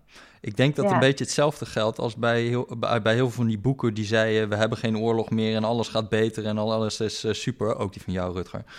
Nee hoor. maar van, je, ik zeg maar als helemaal aan het einde Mhm. van die staart... daar zitten gewoon de pandemieën zoals deze. Uh, daar, zitten, daar zitten de oor- kernoorlogen en weet ik veel wat. En we hebben eigenlijk te weinig data om te zeggen uh, van... daalt het nu werkelijk? Het zijn allemaal van juist die dingen helemaal aan het einde. Een Tweede Wereldoorlog, een Eerste Wereldoorlog, een, Ja. een, een Spaanse griep... Uh, gebeurtenissen die eens in de honderd jaar. En eigenlijk hebben we gewoon te weinig data om te zeggen van wat is nu de trend. Ja, maar ook dat, dat impliceert ook dat, uh, dat er geen willekeur is. Hè? Dat impliceert dat er daadwerkelijk een trend is. En dat dat uh, een belangrijke trend is. En dat, uh, weet je... Ik, ik denk de hele tijd, ja, het had ook, dit had ook weer een SARS-2 kunnen zijn. Hartstikke dodelijk, maar niet zo besmettelijk. Um, het had ook weer een Mexicaanse griep kunnen zijn die uiteindelijk hartstikke meevalt. Ik bedoel, het is wel... De vraag is, hoe, hoezeer had je dit nou moeten zien aankomen? Hoezeer had je hier nou voorbereid op moeten zijn? En um, ja, ik vind het toch wel... Ja, ik, ik heb dit... Nogmaals, ik heb dit echt niet zien aankomen. En ik vraag me af... Weet je, de mensen die zeggen, ik heb het wel zien aankomen. Er zijn ook mensen die zeggen, er uh, binnenkort uh, komt er weer een, een kern, of komt die kerndreiging weer, of sterker nog, komt er een kernoorlog en Noord-Korea en ik dreig al de hele tijd. Je hebt altijd mensen die roepen dat dit eraan zit te komen. Ja. Maar dit is toch ook de verkeerde manier om er naar te kijken. Van, nu wordt het binair van het komt of het komt niet. Er is gewoon altijd een kleine kans geweest dat dit gebeurt. Wil je je daartegen verzekeren, ja of nee? Er is een kleine kans op een kernoorlog. Wil je daartegen verzekeren of accepteer je die kans? En, en, en waarschijnlijk gebeurt het van jaar op jaar bijna nooit. Nee, net zoals een overstroming. Maar we zeggen ook niet over een overstroming van... Uh, nou, het is dit jaar niet gebeurd, laten we maar de dijken afschaffen. Zo, kijk, die, die, die blik moeten we volgens mij uh, veel meer hebben. Want dat, dat was nog een vraag. Die ik, uh, stel nou dat we... Want SARS was volgens mij ook zo'n coronavirus, toch? Of niet? Ja, ja.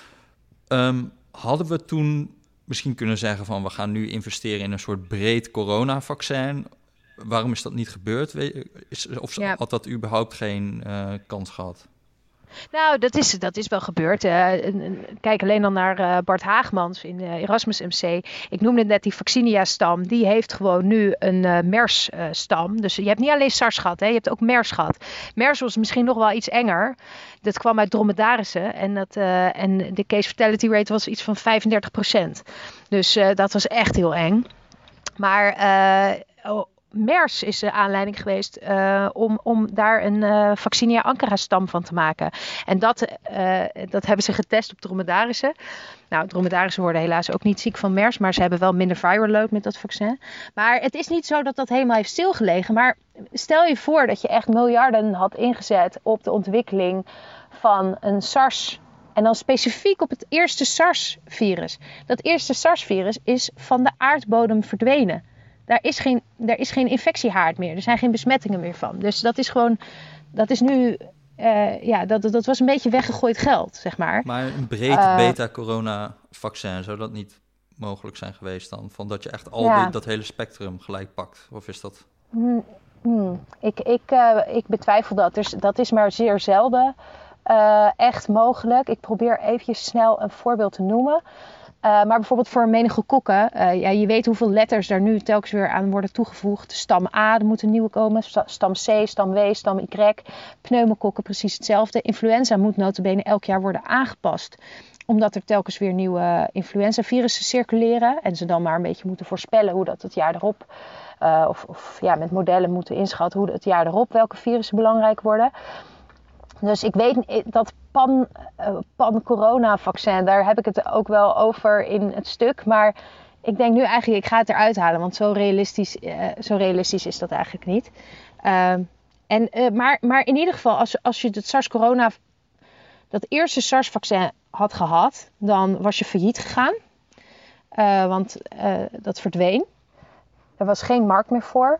Uh, maar misschien had je dan nu, was die kennis dan nu wel weer ontzettend nuttig geweest. Omdat je ja, wel wat had kunnen leren van die coronavirussen.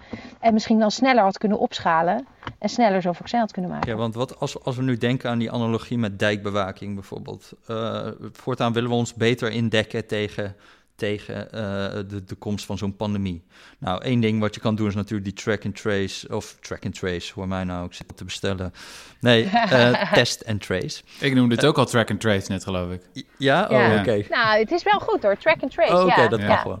Vooruit. Nee, uh, dat, dat wil je natuurlijk gewoon in de stijgers hebben staan. Dus dat zullen we dan uh, voortaan ook wel doen. Maar ook misschien voor, nou ja, dat zo'n vaccin nu heel lang gaat duren om te ontwikkelen. Wat zou je daaraan kunnen doen? Zou je gewoon uh, want je zegt net, die economische uh, incentives, die waren er helemaal niet om, om hier iets, een vaccin op te ontwikkelen. Die wil je natuurlijk nee. dat die er wel zijn, denk ik. Of... Nou, die technologieën die nu worden gebruikt, dus die voorbeelden die ik noemde, die RNA, DNA-vaccins, die uh, adenovirussen, die vaccinia, dat zijn wel typisch versatiele systemen, flexibele systemen. Dat je dus uh, die immuunrespons is hetzelfde. Je kan laten zien dat het veilig is. Um, en vervolgens uh, ja, hoef je alleen maar de insert te veranderen. Dus zo'n die, weet je, die DNA- en RNA-vaccinfabrikanten, die zijn al begonnen met produceren en zijn al begonnen met dat vaccin maken voordat ze überhaupt een virus in handen hadden. Omdat ze de genetische code hadden.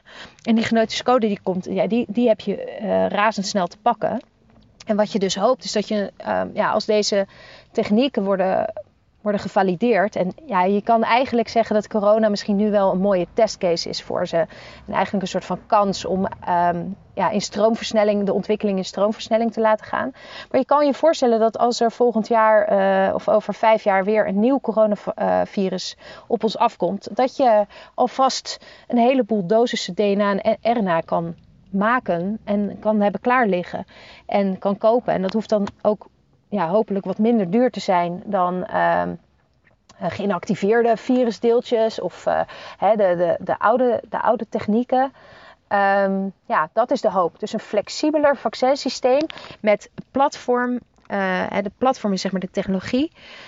Um, dat al een keer getest is, dat al een keertje gebruikt is, dat al een keer breed is ingezet. Dat hoop je. En sterker nog, sterker nog, ik vrees soms ja, kom ik toch weer een beetje op dat ontontwikkelen en het uh, de-innoveren. Ik vrees soms dat we het ons wel ontzettend moeilijk maken om nieuwe dingen te maken. Dat medicijnproductie en vaccinproductie, ontwikkeling en dat hele traject af te leggen, hoeveel dat moet kosten, vergeleken bij, laten we zeggen, in de jaren 70, dat we daar gewoon de facto slechter in aan het worden zijn. Het is duurder en uh, het is langzamer. Uh, ook uh, andere technologieën. Hè? Die uh, 747 is afgelopen dagen voor het laatste geland op Schiphol. die 747 is in vijf jaar van ontwerp naar vliegen gegaan, volgens mij. Nou ja, dat, stel je dat nu nog eens voor, weet je wel. Terwijl elk vliegtuig dat wij nu maken um, moet zo hyper veilig zijn en zo dat, dat, dat, dat, kan je bijna niet overtreffen. Dus de, onze kwaliteits- en veiligheidsstandaarden zijn dermate hoog dat het eigenlijk, weet je, als we gewoon die ontwikkeling van nieuwe dingen, van flexibele vaccinproductie bijvoorbeeld, wat belangrijker en het belang daarvan wat meer zouden inzien, dan zouden we misschien ook zeggen: ja, we accepteren zo nu en dan wat bijwerkingen. We accepteren um, wat spannender uh, trials en wat spannender onderzoeken om die technologie in handen te hebben, juist voor situaties als dit. Snap je wat ik bedoel? Zeker. Ja. En, hey, Rosanne, ja. Um, ik heb een vraag aan je. Ja. Um, ik uh, mailde jou, uh, wat is het, vijf dagen geleden met de vraag of je in de podcast wou komen. Toen Ja. zei je, nee, echt veel te druk, veel te hectisch. Ja, het is bijna twee Eh, uur.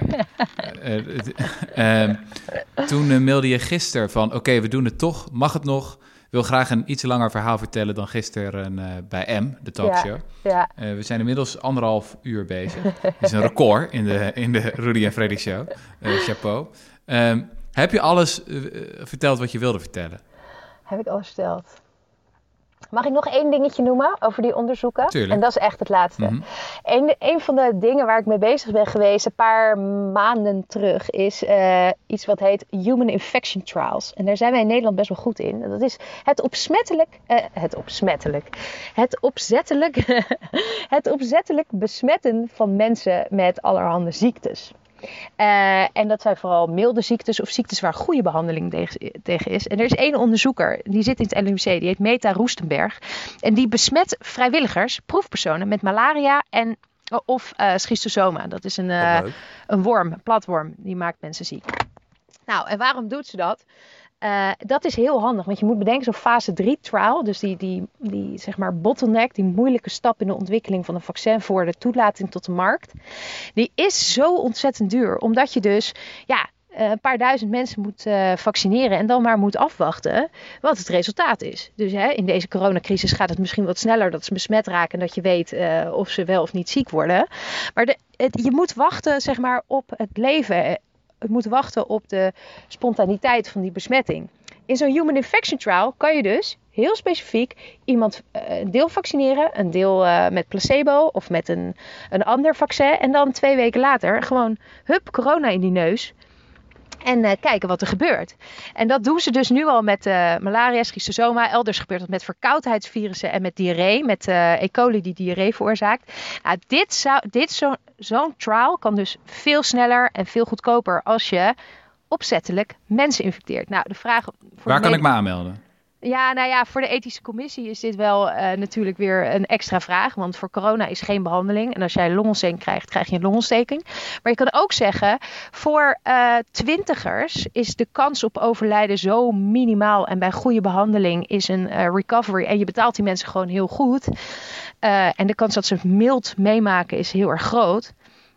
Uh, ja, is dit een optie? Uh, volgens mij is ze er al mee bezig met het idee. Maar als het oorlogstijd is, zullen er toch ook gewoon veel mensen zijn die dit wel willen? Ja, ja, ik, ja ik, ik, denk dat er genoeg vrijwilligers zijn. Het moeten wel allemaal mensen zijn die het niet voor het geld doen en die ook niet heel kwetsbaar zijn en zo. Daar, die screening, daar is ze al ontzettend goed in. Maar ja, ik zie dat ook wel als een optie om het heel erg te versnellen. Ook al, ja, dat is precies de veiligheids-, de zekerheids-, de ethische randjes uh, die eraan zitten bij dit soort vraagstukken. En dat is waanzinnig interessant. Maar je, ik heb heel lang gepraat. Ik hoop voor alle luisteraars dat het duidelijk was en dat het uh, niet al te veel babbelen was. En ik waardeer het enorm dat jullie luisteren. In ieder geval, als jullie het tot zo lang hebben gered. jij komt binnenkort met een stuk over mogelijk vaccin tegen het coronavirus op de correspondent. Als ja. ik het wel heb. Ja. Uh, dat kunnen mensen dus gewoon straks lezen op decorrespondent.nl. Yes. Uh, mensen kunnen jou volgen op Twitter. Ja. Wat is het? Het Rosanne Hertzberger, zoiets? R-Y Hertzberger. Yes. Rosanne Jente um, Hertzberger, ja. Allerlaatste vraag. Wat ga je nu doen? Ik ga een aantal... Ik ga een hele mooie start-up van jonge medisch microbiologen... die uh, mobiele testlocaties realiteit willen laten worden. En die zijn al best wel dichterbij. Die ga ik kijken of ik die nog met wat leveranciers kan koppelen. En ik hoop dat het hen lukt. En ik uh, zet me even volledig in om hen te helpen. Er zijn ook een aantal IT'ers en die willen met allemaal e-health oplossingen komen. Nou, daar hou ik me een beetje mee bezig. Ja. Alright. Super Heel veel succes. succes. Heren, dank jullie Komende wel. weken. Ja. Oké. Okay. Doei doei. Blijf, blijf gezond hè. Doeg. Doeg. Doei. Oké. Okay. En nou, dan kunnen we de opnameknop weer indrukken. Doe dit voorzichtig. Kijk altijd. Oh, Sanne Hertzberg is ook weggegaan. Sorry!